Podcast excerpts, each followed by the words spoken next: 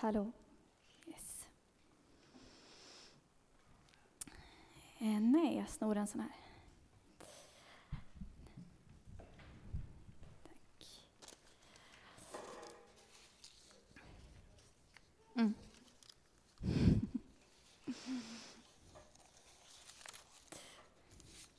Yes. Vi bara ber lite tillsammans. Herre, tack. Tack att ditt namn är upphöjt, Herre. Upphöjt är ditt heliga namn, Herre. Du som sitter på tronen, Herre. Tackar att du förändrar allting, Herre. Jag tackar att det handlar om dig, Herre. Och tack att vi får vara i din jord, Herre. Vi är dina får, Herre. Du är vår herde som leder oss, Herre. Tack för att vi får känna dig, Herre. Jag ber, Herre, att du ska vara här idag och leda oss som vår herde, Herre. Var här med din helige Ande. Kom, helige Ande, med din ledning och kraft och vishet, Herre. Med den du är, Gud. Kom med din uppenbarelse, Herre. Och ge oss av ditt liv, Herre. Vi behöver dig, Herre. Dig behöver vi, Herre. Amen. Yes, nu så ska barnen få springa ner. Johanna står där och väntar och hon har alltid bra grejer på gång. så det blir superkul. Eh, och jag känner mig så här jätteglad och taggad. Det är inte alltid man gör det. Och känslorna är ju som du vet sådär, de gör ju som de vill ibland. Men det känns jättekul att få, få predika om kunskapens ord idag. Jag vet inte varför jag är glad, men det känns jätteroligt i alla fall. Och härligt. Och det spelar inte så stor roll om jag är glad eller inte, säga. det är väl bra. Men, men eh, ja, jag ska predika om kunskapens ord eh, idag, tänkte jag. Eh, och jag bara tänkte på nu när vi stod här och liksom tillbad det här, hur eh, när vi tillber det här, liksom ger vårt hjärtas lovsång till Gud, tillber i ande och sanning och allt det här. Eh, hur det, det, kan ju verkligen skilja sig, eh, våra uttryckssätt, och det skiljer sig över generationer. Och det skiljer sig som när jag har åkt utomlands och träffat eh, människor i olika församlingar i olika länder, kanske ni också har gjort, så skiljer det sig åt. Liksom. Men man känner igen det. Man känner liksom, så, det är min upplevelse, att jag känner igen anden, man känner igen Guds frihet, man känner igen där Gud är, man känner igen eh, hjärtats tillbedjan. Liksom. Eh, där Gud rör sig, där Gud är. Eh, yes. Och eh, ja, och det är liksom det verk som Gud gör. Det är bara han som kan förvandla. Det är bara han som, det är han som gör hela skillnaden. Alltid. Liksom. Eh, och jag tänker även, eh, även med de här eh, kunskapens ord, det är ju en av, jag, ska, jag tror vi ska ha lite bilder här också, vi kan ta fram första där. En av andens gåvor eh, är ju kunskapens ord. Eh, och med gåvorna eh, som vi har fått och som vi, vi som bär på den helige Ande, som har alla gåvor, och vi har ju pratat om flera stycken av de här gåvorna. Och vi gör det lite praktiskt i det här, att vi eh, liksom, de här är till hjälp för oss på något vis, eh, gåvorna, i att leva ett liv tillsammans med Gud och att hans övernaturliga liv får vara naturligt i vår vardag genom de här gåvorna. Eh, ja, och Härligt. En, Jemima är med idag. Håller helt med dig. Vad bra Jemima. Och eh, nej men jag tänkte på det här nu, nu med andans gåvor, och så tänkte jag på där det står, jag tror jag slog upp det innan här. Som ni, ni kanske märker att jag är ute och cyklar nu, liksom. men det kommer bli bra, vi ska sätta igång. Men det står så här i första Korintierbrevet 2, eh, 1-9, så säger Paulus det här. Eh, när jag kom till er bröder var det inte med stor vältalighet eller hög visdom som jag predikade Guds hemligheter för er. Jag hade nämligen bestämt mig för, när jag var hos er, att inte veta av något annat än Jesus Kristus och honom som korsfäst. Svag, rädd och mycket orolig kom jag till er. Och mitt tal och min predikan bestod inte i, i ord som skulle övertyga genom mänsklig visdom, utan genom en bevisning i ande och kraft. För vi ville inte att er tro skulle bygga på människors visdom, utan på Guds kraft. Så tro som byggs på Guds kraft. Det är det som vi inte kan göra överhuvudtaget i oss själva, utan det bygger på honom, vem han är och att han är i våra liv. Liksom.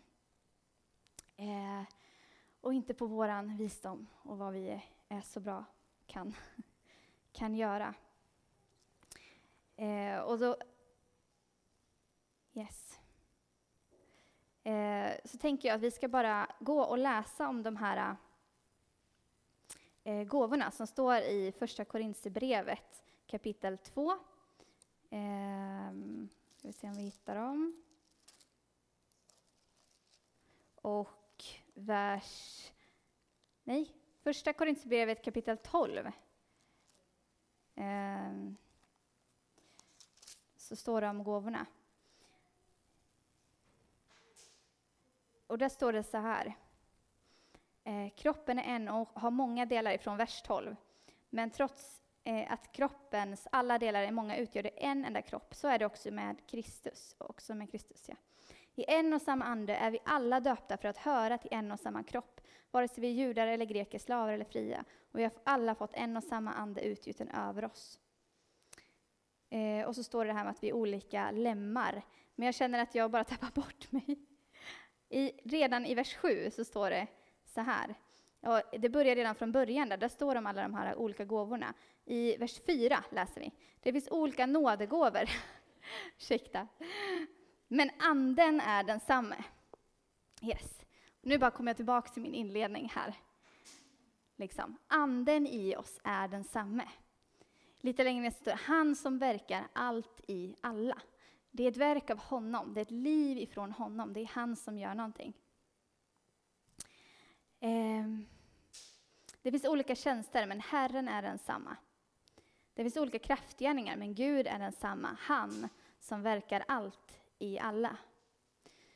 Och så står det hur han gör det. Men var, var och en visar sig anden så att det blir till nytta.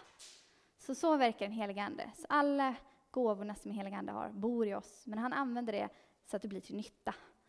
Ehm. Och så står det, den ene får av anden ord av vishet, den andra får ord av kunskap genom samma ande, i vers 8. Där har vi kunskapens ord. Yes. Oj, kommer det upp här när jag säger saker? Wow. Det var nytt. Coolt. Yes. Och eh, när vi läser om de här gåvorna eh, så finns det, skulle man kunna tänka att man delar upp det lite i tre olika teman. Eh, vi har, eh, ska vi se, vis, eh, vishet, kunskap och urskiljning står det om, bland annat. Och det kan man säga, det är gåvor som liksom uppenbarar någonting. Det kommer uppenbarelse. Och kunskapens ord då, vad är det för någonting? Jo, det handlar om, jag kan se om det kommer upp där också.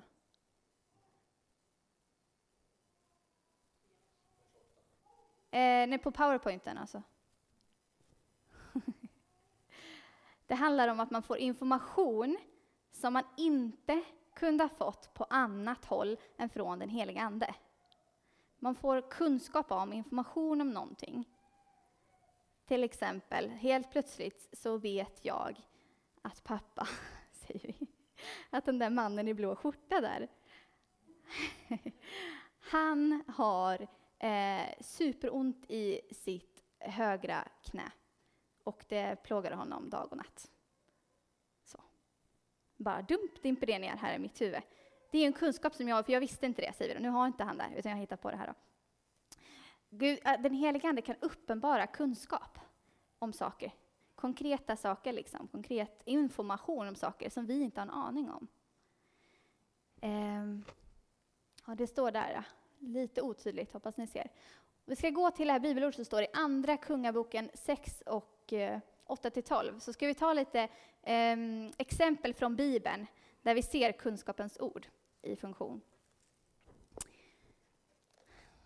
Så.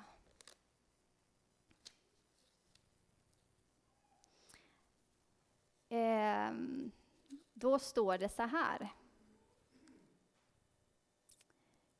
Från vers 8 sa vi. Eh, det står om kriget mot, med arameerna. Arams kung låg i krig med Israel när han rådgjorde med sina tjänare och sa på den och den platsen ska jag slå läger.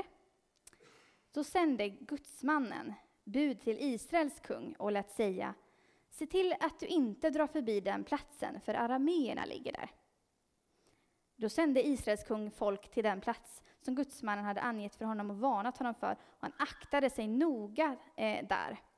Detta hände inte bara en eller två gånger, gånger. Kungen av Aram blev mycket oroad över detta. Han kallade till sig sina tjänare och sa till dem, kan ni inte säga mig vem av de våra det är som håller med Israels kung? Vem är det som skvallrar för Israels kung att vi gömmer oss på de här ställena hela tiden? Så att vi ska slå ner dem. Och i vers 12 så står det, då svarade en av hans tjänare, så är det inte min, her äh, eh, min herre kung. Men Elisha, eh, profeten i Israel, meddelar Israels kung var, varje ord du talar i din sovkammare. Yes. Och då försöker han att ge sig på den här eh, profeten. Då. Så Eli, Elisha stod det i min bibel, men Elisa. Ja. Han får eh, alltså reda på information av Gud.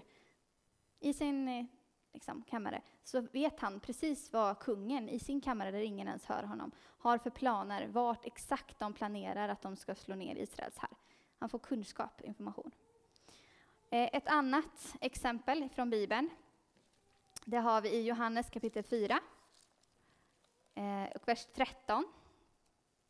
Här står ju om den här eh, samaritiska, samariska kvinnan som Jesus träffar vid brunnen.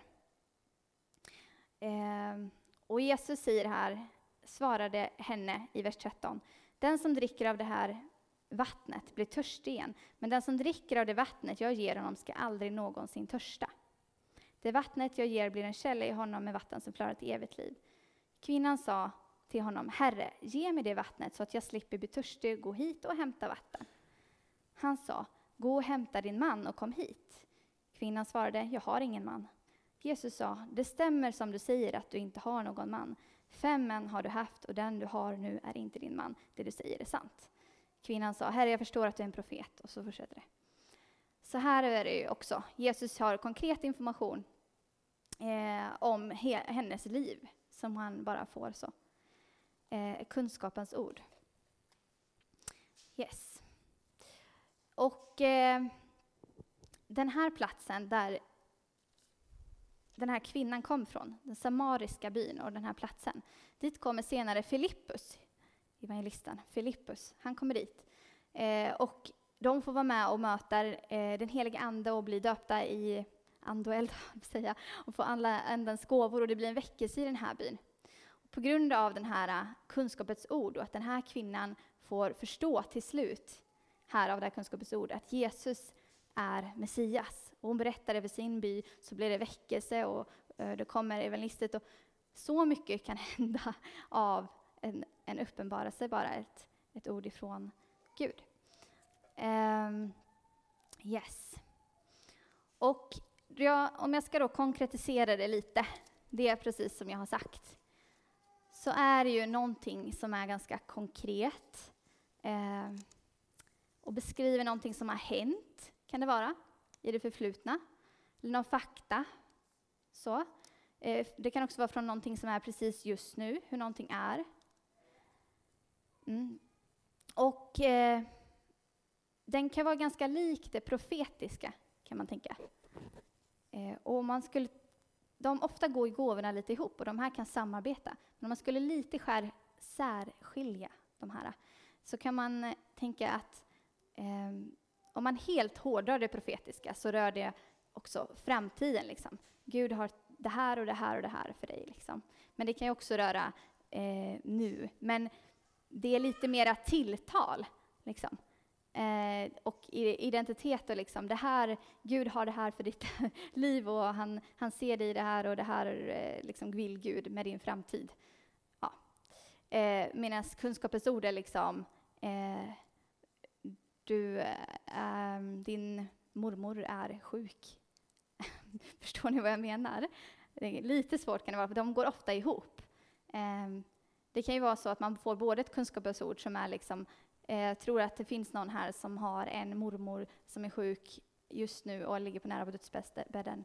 Och eh, det här oroar dig jättemycket. Och sen, men Gud säger att eh, bla bla bla bla och du behöver inte vara orolig för att den här frukten som finns och så kommer det profetiskt kanske någonting. Förstår ni? Så de kan gå ihop sådär. Uh, yes. Um, precis.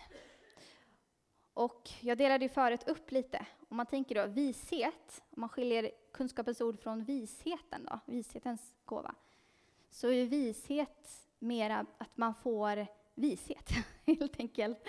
Att hur, eh, över en situation eller att hantera någonting som är jättesvårt. Liksom. Eh, hur ska vi ta oss ur den här kluriga situationen?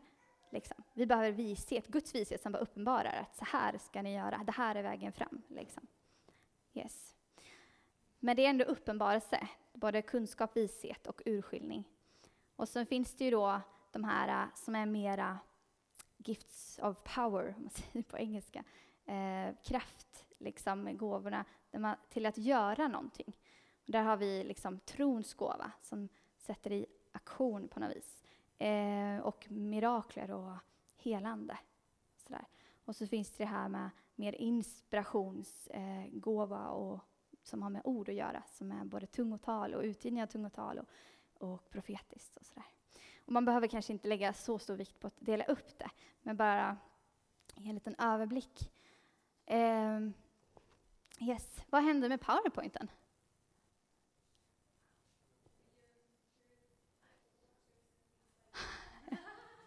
Okej. Okay. Eh, men om du tar det från början någonstans. Ja, början, början. Yes. Och så tar du andra bilden. Yes. Precis. Um, ja, bra. Ja, men då vet jag också att jag hänger med. Tack. Um, jag tänker ett till exempel bara från Bibeln. Det är när Jesus säger att det finns i Matteus eh, 17 så finns det en fisk som har en peng i sig. De har en diskussion om att de ska betala till eh, skatt, eller vad det är. Så säger han, ja, men vi ska inte stö, det, stöta oss mot dem. Liksom. Så går ni och så fiskar ni upp, eh, och sen första fisken som ni får upp, så öppnar ni gapet på den, så tar ni ut, så kommer det att ligga en peng där, så går ni och ger den eh, som betalning liksom, för vår våran skatt. Ett till ett sånt exempel på så här, en mer detaljerad. Men då ska vi gå vidare. Så nu tar vi nästa bild. Varför är då den här gåvan viktig? Eh, jo, för att visa Guds existens och kärlek. Delvis om någon då eh, får till sig att ja, något specifikt liksom, ord, så förstår man ju att det här kan ingen annan veta om mig. Liksom. Då måste ju Gud finnas. Så på så vis kan liksom, att Gud finns bara bli upp, uppenbarat för människor. Eh, och hans kärlek. För att kunskapens ord, eftersom det kan vara lite sådär, ja, det kan ju röra en specifik grej eller någonting, så kan man känna sig väldigt träffad och sedd. Gud ser mig, han vet om mig, han vet vad det här är. Och det är väldigt viktigt, tänker jag, för Gud, just det. Eh, och det andra är att Gud vill visa vad han vill göra. För att det väcker tro och förväntan. När Gud liksom säger att amen, någon, eh, eller det kommer ett ord att jag tror att någon har problem med tarmarna i magen eller vad det nu kan vara. Eh, så kan det väcka en förväntan. Gud, varför säger Gud det? Men för att han vill hela. Liksom. Eh, så det väcker en tro förväntan. Gud ser. Eh, han såg mina tarmar, liksom. han vill hela, han vill röra. Och det tredje är att kunskapens ord kan förlösa eller påbörja det som Gud vill göra. Eh, det kan vara så att bara, det finns kraft i ord som kommer från Gud. Det finns ju kraft i Guds ord och det Gud vill säga och göra. Så bara liksom att man säger ett kunskapens ord så kan det hända att det bara händer på en gång. Det måste inte vara så att man alltid ber för en person efter för att Gud ska hela den här människan eller vad det nu kan vara. Eh, utan det bara jag läste det, nu kommer jag inte ihåg vad det var, det var en som eh, fungerar här, David Wellstam, en, en bra kille som har mycket med kunskapens ord. Och han sa, jag tror att det var Ar Armenien, men det kan vara ett annat land. Han sa, där är det jättevanligt eh, att det är så att när, så fort man bara säger ett kunskapens ord eh, så blir personerna helade där de är. Liksom. Ofta ber de inte för varandra. Sådär. Ja. Och det kan vara på olika sätt, men det finns kraft. Um, så det kan liksom ja, påbörjas någonting av det ord som Gud vill göra. Liksom. Och vem kan då få kunskapens ord? Eh, jag tänker att information som kan vara till hjälp för andra människor, det kan Gud ge till alla oss. Och vi tror att, att den helige Ande bor i oss alla, med alla gåvor. Och kan, att vi kan växa i dem allihopa. Och eh, ja, längta efter och sträva efter att växa i dem. Um, så, vi kör vidare. Yes. Hur får man kunskapens ord? Um, höra dem är det första. Jag tänker så här, att Gud talar till oss hela tiden. Eh, han ger oss liksom intryck, eller vi får uppleva saker ifrån Gud. Så vi kan uppfatta Gud på många olika sätt, vad Gud vill göra för någonting. Bland annat så kan vi höra dem, och då kan vi höra dem med vår fysiska röst, även om vi vet att det är inte det vanligaste. Utan det är ju ofta den här inre rösten som är, låter som min egen röst. Här, ni ser ju hur det här också är likt i det profetiska, kanske ni som har hört mycket om det.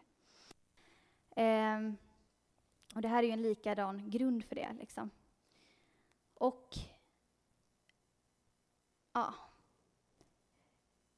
det är i, vad heter det, i Kungaboken 19 och 11-12 så står det om det här när Elia kommer fram och ställer sig i öppningen och Gud vill uppenbara sig för honom. Och så kommer det en stormvind, men Gud var inte den. Och det kommer, jag vet inte vad det står, eh, en annan högljudd vind.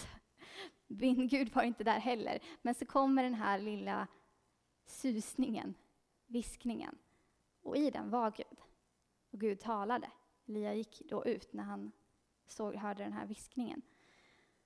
Och ofta så kan det börja med de här bara som eh, liksom väldigt naturliga viskningen i vårt öra. Som vi kan tänka, är det jag eller är det Gud? Så är det ju ofta. Eh, och den heliga Ande som bor i oss, det är naturligt att det också känns som oss. Han är inte liksom där borta, han är ju i oss. Det kommer härifrån. Eh, och ibland så kan det göra ju att vi ignorerar det lätt. Så gör vi det. Eh, men när vi liksom börjar att försöka att värdera, att liksom pröva det där, ehm, då så kan vi också, tror jag, få se att det är Gud som talar och växa i det. Mm.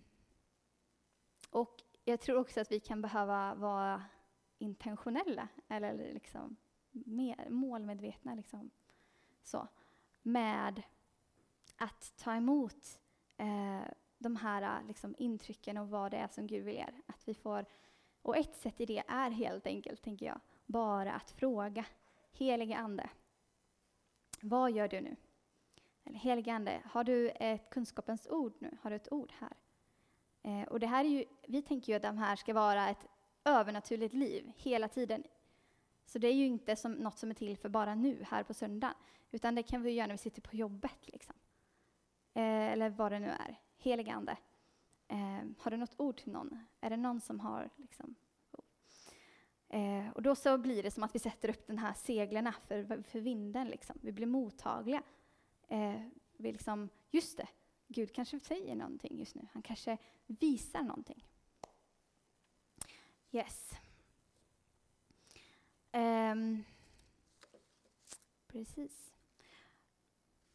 Och ja, vi tar nummer två. Vi kan se dem. Och det är ju ganska vanligt sätt som Gud överlag, tänker jag, talar till oss. Jag, för mig är det jättevanligt det här, man får bilder. Liksom. Ehm, så tänker man, ah, var det där bara jag som såg den här bilden? Liksom. Eller var det Gud som ville säga någonting? Eh, och eh, vi kanske ser eh, en bild på att no någonting händer eller någonting uppspelar sig för vår inre syn. Liksom. Eller eh, vi ser hur någon liksom vrider sig så här och bara, liksom, för vår inre syn. Och så bara, ah, men det är väl någon som har en nackspärr. Vi kanske till och med kan se hur den här personen ser ut, liksom, lite grann. Eller att den verkade ha kort hår eller vad det nu kan vara. Eh, vi får bilder, liksom.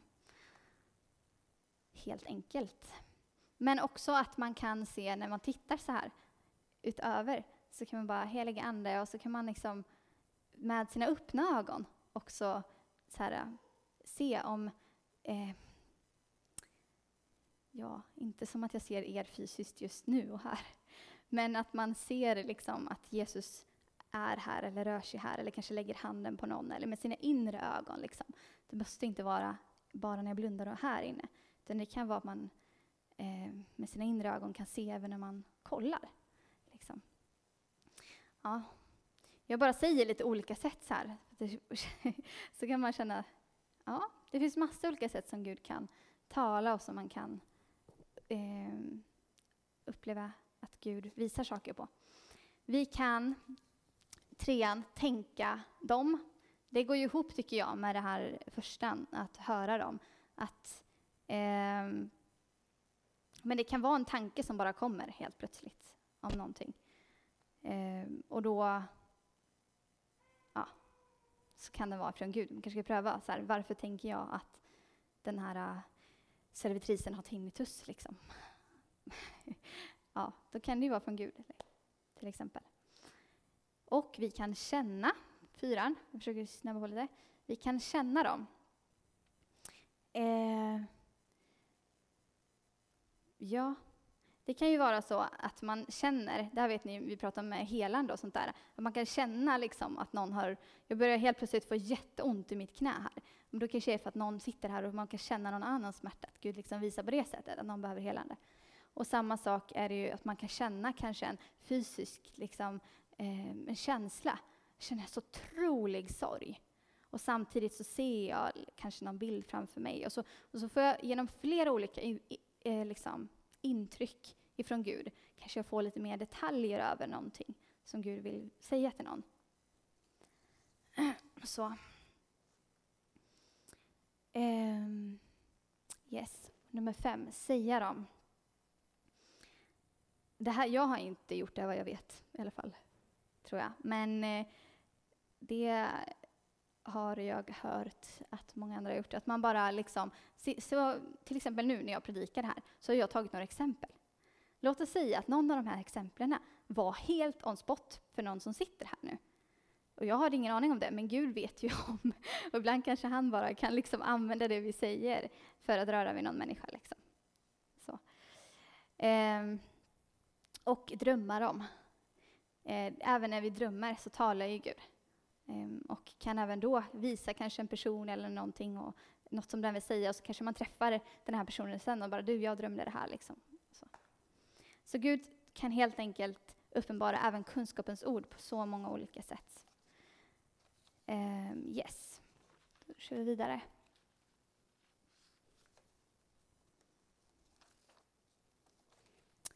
Hur delar man kunskapens ord? Yes, riktlinjer. Jag har skrivit två stycken. Det är väl bra. Det blir inte för avancerat. Eh, med ödmjukhet och kärlek, precis som med allt annat. Hon tjejen här, hon har en ryggsäck på sig. Och jag tänker bara på att hela tiden tänka på vad vi alla har för ryggsäckar. Vi vet inte vad som finns i de här ryggsäckarna. Vi ser bara det ytliga, men vi vet inte vad människor har. Så därför vill vi alltid ge saker och ting med kärlek och utan att döma. Och samtidigt eh, så vill vi också, liksom man kan säga att men jag upplever det här. Jag är helt medveten om att det kan vara så att det inte är från Gud. Vi har en ödmjukhet, liksom, men vi prövar. Mm. Yes, vi kan gå vidare. Och hur växer man i kunskapens ord då? Um, två grejer som är bra. Det första, ta risker, lyssna in och dela regelbundet. att det, det, finns liksom ingen eh, genväg, utan det är liksom att learning by doing. Att våga eh, sätta upp det där seglet, att fråga eh, Gud, har du någonting för det första? Liksom. Och sen att bara, nej men jag prövar. Liksom. Så. Och eh, våga ställa följdfrågor. Eh, det är en sån grej. Eh, för mig, och när jag har fått kunskapens ord, så har jag tyckt att det varit lite läskigt att sådär, göra det för specifikt. För tänk om liksom, det var rätt från början. Såhär, jag får att någon har ont i, i eh, armen här, såhär, och så bara, ah, jag tror att den sitter på den sidan, såhär, och att den heter Ellen. Men tänk om det är så att den inte finns någon Ellen där och den inte sitter på den sidan, men den hade ont i armen. Och nu så blir det ingen som får liksom bli bädd för eller någonting bara för att jag var för specifik. Förstår ni vad jag menar? För att man inte litar på så här. Men om personen heter Ellen och sitter på den sidan och har ont i armen, så blir det ju väldigt mycket mer, vet bara wow, Gud ser mig, vad Gud liksom, han vet vad jag heter, allt så här. Så det finns ju någonting i det här, att, och det kan man ju också pröva lite, eh, tänker jag. Att, eh, att ändå våga pröva. Att, och då kan man då fråga Gud så här, ja men eh, ont i en armbåge, men Gud är det, är det en tjej eller kille? Kanske man får upp en bild av det, eller så här, se om man får någonting mera. Eh, så kanske det kan vara till välsignelse för, för någon. Okej. Så Ja, kör vi sista, tror jag. Yes. Några exempel ifrån livet. Um, vi hade ett, ett, team här i höstas från en bibelskola. Och då så satt vi här, de var kanske 15 stycken. Eh, och så bara lovsjöng vi och hade allmänt gott så här, jättevardags, så enkelt. Men så, så innan de skulle gå så bara fick jag upp i mitt huvud så här, att jag tror det finns någon här som eh, har jobbigt, alltså jättejobbigt just nu med en relation. Eh, som bara den tänker på den, den tänker på det hela tiden och liksom kan inte koncentrera sig och bara uh, blir bara tungt för den med den här relationen. Och så fick jag, tänkte jag så här, det är nog en väldigt nära vän. Typ en, en av liksom ens närmsta vänner där. Och jag tror att jag tänkte att det kanske var en tjej. Jag kommer inte ihåg. Jag tror jag tänkte det. Men jag vågar inte riktigt vara så specifik. Så jag sa, men jag sa så att jag tror att det finns någon här som har, jag sa det här med relationen, någon som har det jättejobbigt liksom med en relation. Eh, att det är tungt om man bara tänker på det här just nu. Så här. Och då kom det fram en tjej. Och så sa hon, ja men det är en nära vän till mig nu som bara, så bara ah, jag kunde ha sagt liksom, lite mera där, men ja. Men jag tänker att ändå oavsett så kan man ju... Eh, ja, det gick ju bra ändå, liksom. Man kan börja någonstans. Eh, och jag tycker också, ibland har jag kunnat få så här bara, nej men ett knä, liksom, ont i ett knä. Men då, då kör vi på ont i ett knä. Och så, jag vet att jag fick det specifikt så här, eh, en gång eh, på, i en gudstjänst, så här, ont i ett knä. Ja. Och så kom det fram några, som, flera stycken som hade ont i knät och bara så ont i knät, jag har skitont i knät. De var jätteglada så för att det hade varit något med ont i knät. Det var ju jättebra bara att få dela ont i knät. Och jag kommer inte ihåg om de blev helade eller inte, så jag kan inte dela det. Jag hoppas de blev, de blev jag kommer ihåg att de blev väldigt glada i alla fall. Men eh, ja, en annan grej sådär, är att vid flera tillfällen så har vi varit med eh, när vi gjort något som heter skattjakt. Och det kan ju vara en rolig grej som ni kan öva någon gång. Och det är att eh, vi säger att vi sitter så här och så är det att vi Gud har en skatt här inne som han vill visa och han vill uppmuntra just nu. Och så ber vi att alla ska liksom, eh, bara lyssna in kunskapens ord och så, så lyfter man upp händerna och så får de som har fått det dela kunskapens ord. Och så är det, är det någon som bara känner att när de hör alla de här orden så känner de så här, det där är jag. Att någon bara riktar in sig så här. Och, så har du, och, det sen, och då har det varit liksom, kunnat vara så här, jag tror att en gång att det var typ att det var en, jag ser en röd tegelvägg Liksom. Och så ligger en skola där. Typ. och det var så här, okej. Okay. Och så var det liksom massa grejer och det bara stämde jätteväl in och den här personen fattade att det här är jag liksom och den här, vad det här gällde för någonting. Eh, och så fick den komma fram och så fick man be för den och liksom komma med kanske profetiska ord eller sådär. Men då känner man den sig sedd och älskad liksom. Och ibland kan det vara sådär konstigt, men det behöver man inte vara rädd för. Jag ska inte ta Lydia som exempel. Det är. Hon fick en grej när vi bad om kunskapsord som var jättekul. Det är bra, men ibland kan det vara så konkret liksom, som bara är, blir så bra för att någon fattar. Liksom. Och eh, ja. Men jag tänkte också att jag ville bara dela det här med, för det här har ju också med att höra Guds röst att göra. Och jag hade en ganska lång period, ja, det som, jag hade en tid i mitt liv då jag tänkte att jag kan inte höra Gud. Liksom. Han talar till mig, men jag hör honom inte. Så. Ehm. Och då fick Gud visa mig, där det står det här bibelordet, att eh, fåren, alltså han talar och fåren hör hans röst. Och när jag hör, stod där så står det att men fåren, jag är ju ett av hans får, jag tillhör honom, det vet jag. Det står att de hör hans röst. Men då står det alltså att jag hör hans röst. Alltså hör jag hans röst. och så blev jag så här bara, okej, okay. ja, jag kanske tror att jag inte hör det, men jag gör ju det.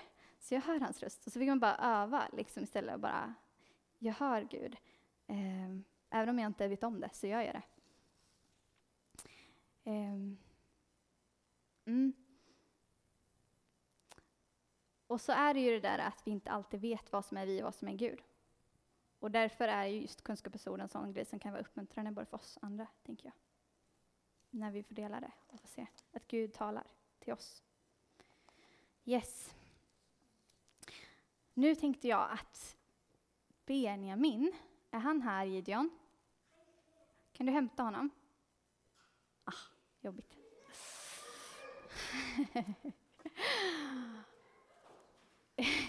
och Olivia, du kan väl komma fram?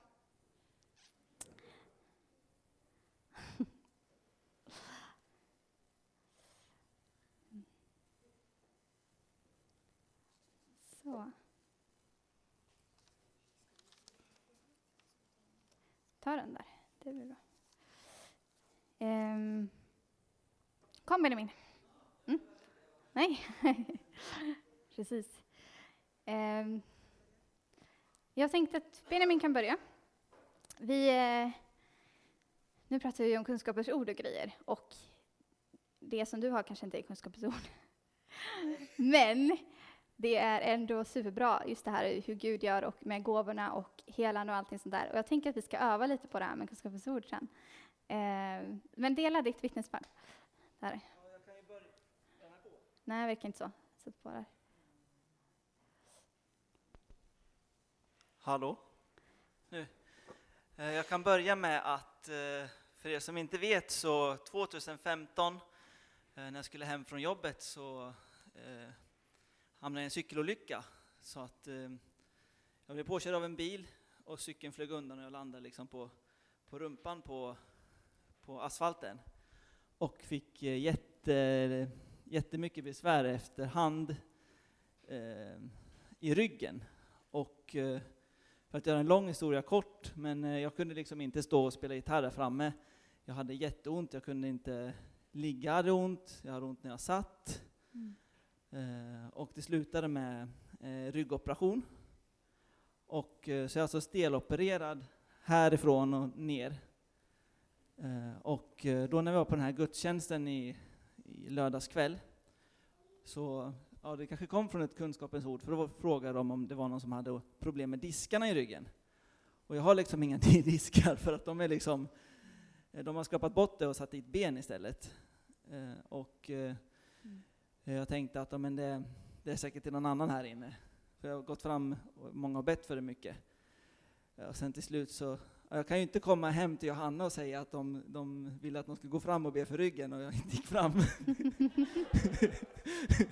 så att, eh, ja men, och jag vet ju att, att Gud kan göra under, så att jag gick fram och hon bad för mig och ja, men känner du någonting? nej, men det är nog inte någon riktig skillnad. Och så kände jag er så här så kom jag ungefär hit. Eh, och ja, men så bad de igen och eh, eh, ja, men så tyckte jag att jag kom lite längre ner. Eh, och sen eh, så skulle jag gå och känna efter ifall det kändes bättre, för jag, vet, jag sa att jag vet inte om det är för att jag har stretchat nu, att jag kommer längre ner, eller om det är att Gud har gjort någonting. Så jag, jag gick fram igen, och eh, hon bad lite till, och eh, ja, nu kommer jag ner liksom hit. Från att komma ner dit, och jag känner mig mycket liksom, Mm. eh, jag är inte helt, helt hundra bra, men liksom, jag har inte kunnat röra mig så här förut. Och, Mm. eh, Så jag cyklar hem liksom och svängde så här med cykeln. så det är fantastiskt vad Gud kan göra. Yes. Ja. Ja, tack Jesus. Precis. Vill du dela? Absolut. Mm. Ehm, ja, men för några veckor sedan här i Korskyrkan så pratade ju du Nathalie om helande. Eh, och eh, ja, men vi skulle sätta oss i par eller små grupper och liksom be för varandra. Då hade jag haft spänningshuvudvärk i typ en månad. Eh, och jag var så här, det här ska jag be om förbön för. Det roliga är att eh, jag, har varit, jag är uppvuxen i ett hus med väldigt mycket spindlar. Eh, och har alltid varit rädd för spindlar, men ungefär när jag var 19 så var det en händelse som gjorde att jag verkligen fick en liksom full-blown fobi för spindlar. Typ, alltså att säga ordet spindlar gjorde att jag började kallsvettas för att det är så sjukt obehagligt. Um, men då så står Nathalie på scen och säger med lite olika saker. Ja, men jag upplever att det är någon som har axel eller höft eller knä, jag kommer inte ihåg de delarna. Men sen sa du, eh, och sen tror jag det är någon som har spindelfobi. Och jag bara säger jaha, då är det tydligen det jag får förbön för idag. Eh, och då sitter jag med eh, mina vänner i, i bänken och jag får förbön. Känner ingen skillnad, händer inget speciellt. Eh, men två dagar senare så är jag på balkongen på jobbet. Och precis när jag är på väg in från balkongen, så det är liksom tredje våningen upp och det finns en dörr in, så sitter en spindel på väggen. Om ni då förstår att säga ordet spindel eh, gjorde att jag började svettas så kan ni förstå vad en, en fysisk spindel vanligtvis gjorde med mig. Eh, och absolut ingenting hände. Jag, jag, det var en spindel på väggen och jag bara okej, det är en spindel där. Helt obrydd. Eh, och det var liksom så här, jag, direkt så fattade jag att det var förbönen. Som, alltså att jag hade blivit helad från min fobi. Mm. Eh, så det var, eh, jag blev väldigt paff och väldigt glad för det har eh, stoppat mig orimligt mycket i, eh, i mitt liv. Berätta om den stora spindeln. Oh, den stora spindeln, precis. Ehm. ja, men så här, det var typ dagen efter, för det roliga är att på min arbetsplats så är det ytterligare en kollega till mig som, har, eh, som också har haft, eller som har spindelfobi. Eh, och vi har liksom varit lite så här, det, det, vänner och stöttat varandra när det har varit spindlar på kontoret. Vi har andats tillsammans och sådana grejer för att inte börja hyperventilera. Eh, och hon kommer då till mig och bara så här, Olivia, det är en sjukt äcklig spindel utanför mitt fönster, så det är liksom på andra sidan glaset. Men hon var ju liksom helt uppe i varv. Och jag blir ju då lite nyfiken eftersom jag hade gårdagens erfarenhet av att så här, men jag reagerade ju inte på spindeln. Så då går jag in på hennes kontor och det är verkligen en av de äckligaste spindlarna jag har sett. Det var verkligen vi var två kroppar och den var stor, och det var jätteäckliga ben. Det var jätteäcklig verkligen. Men det hände ingenting. Jag reagerade ingenting. Så jag blev så nyfiken. Jag bara, men hur långt kan jag pusha det här liksom? Så jag ställer mig i fönsterkarmen, en supergammal byggnad med ja, ganska högt i tak, så jag ställer mig i fönsterkarmen för att liksom kunna se, vara så nära den här spindeln som möjligt. Så den är ju på andra sidan glaset, men jag är ju typ en decimeter ifrån spindeln och bara stirrar på den. Bara för att se om jag får någon liksom reaktion. Men det är liksom ingenting. Bara, det, är, det är en spindel, punkt. Ingen rädsla, ingen, eh, Yes. inga svettningar, inga panikattacker. Så det är skithäftigt. Amen. yes. Vi kan gå ner. Tack.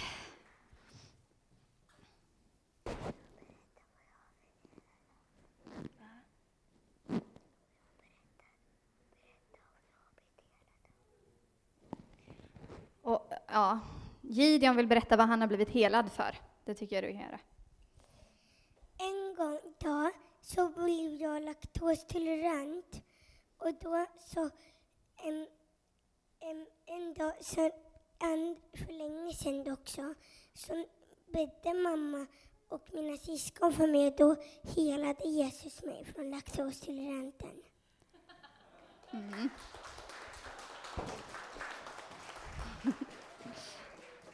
Härligt. Yes. Visst är det gott? Alltså man blir uppmuntrad av Gud och av vad Gud gör. Och jag blir det. och få höra liksom. Um, jag har två. Jag kanske inte behöver ha två. kan inte du stänga av den? Tack. Okej.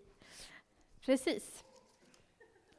Um, Johanna, kan inte du bara springa upp och berätta ditt också, snabbt här? Så skränkte jag så här att vi sen ska göra en liten övning tillsammans nu.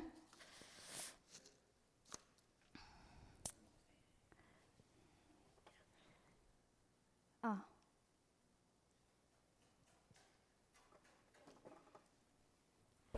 Är den på igen? Så.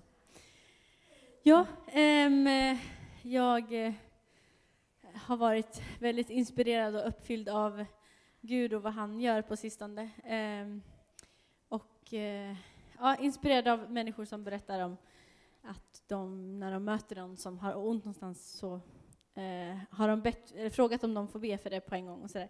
och jag känner att så vill jag också göra. Och så var vi, hade vi en hemgrupp hemma hos Lydia i stan och så skulle jag hem till Oppeby och så bara kände jag liksom att men Gud vill göra någonting. Eh, så jag frågade Gud vilken väg jag skulle cykla hem, eh, genom skogen eller lasarettsbacken.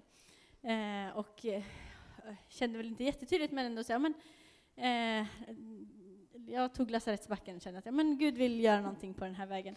Eh, och så cyklade jag hela vägen hem och alla jag såg, det var inte så många, det var sent på kvällen, så tänkte jag, ja men här kanske jag ska stanna och säga någonting och så, nej men det kändes inte riktigt så här. Så kom jag hela vägen hem och tänkte, jaha, varför, vad, vad var vitsen med det här? Men jag var ändå, hade sjungit lovsång och var, var glad, så jag tänkte, ja men det, det räcker väl. men precis när jag kom till mitt hus så var min granne ute med sin hund. Eh, så jag stannade till och pratade med henne. Och eh, tänker att hade jag tagit den andra vägen så hade jag förmodligen inte stött på henne. Hon är eh, 80 och berättade att hon eh, har så ont i sin rygg och hon har svårt med andningen och nu orkar hon inte städa i sin lägenhet längre. Eh, och ja, det var mycket som var jobbigt. Eh, och jag tänkte att oh, men då kanske jag ska be för henne. Eh, och sen så sa hon mm att eh, ja, så en dag så hade hon känt så här, nej men nu vill jag inte leva längre. Och då kände jag att men hon får inte, eh, då, jag tänker om man inte har, orkar och vill leva längre då kan det ju vara så att man inte gör det heller så länge till. Så jag kände, oh, jag kan inte missa det här tillfället. Eh, så då frågade jag om jag fick be för henne. Eh, och jag fick lägga handen på henne och så bad jag för hennes rygg och andning.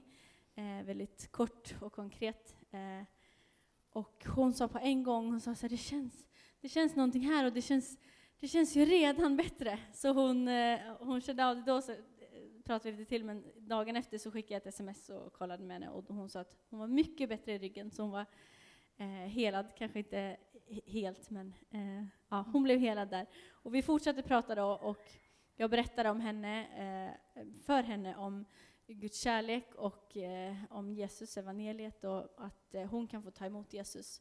För att den dagen när hon eh, går bort eh, så kan hon få komma och vara tillsammans med Gud i himmelriket. Och hon var jätteglad efteråt och tackade mig och ja, var verkligen så här, mm. Ja, det, det, det gjorde någonting i henne.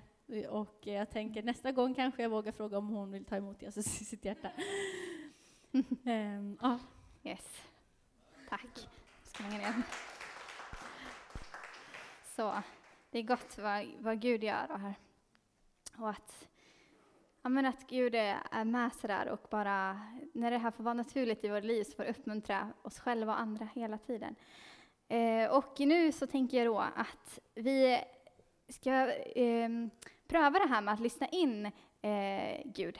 Lyssna in Guds intryck och lyssna in Guds röst. Och, eh, så bör, ni behöver inte bara tänka så här, nu ska jag höra ett ord och det ska låta så här. Utan var bara öppna för liksom, eh, hur Gud kan tala.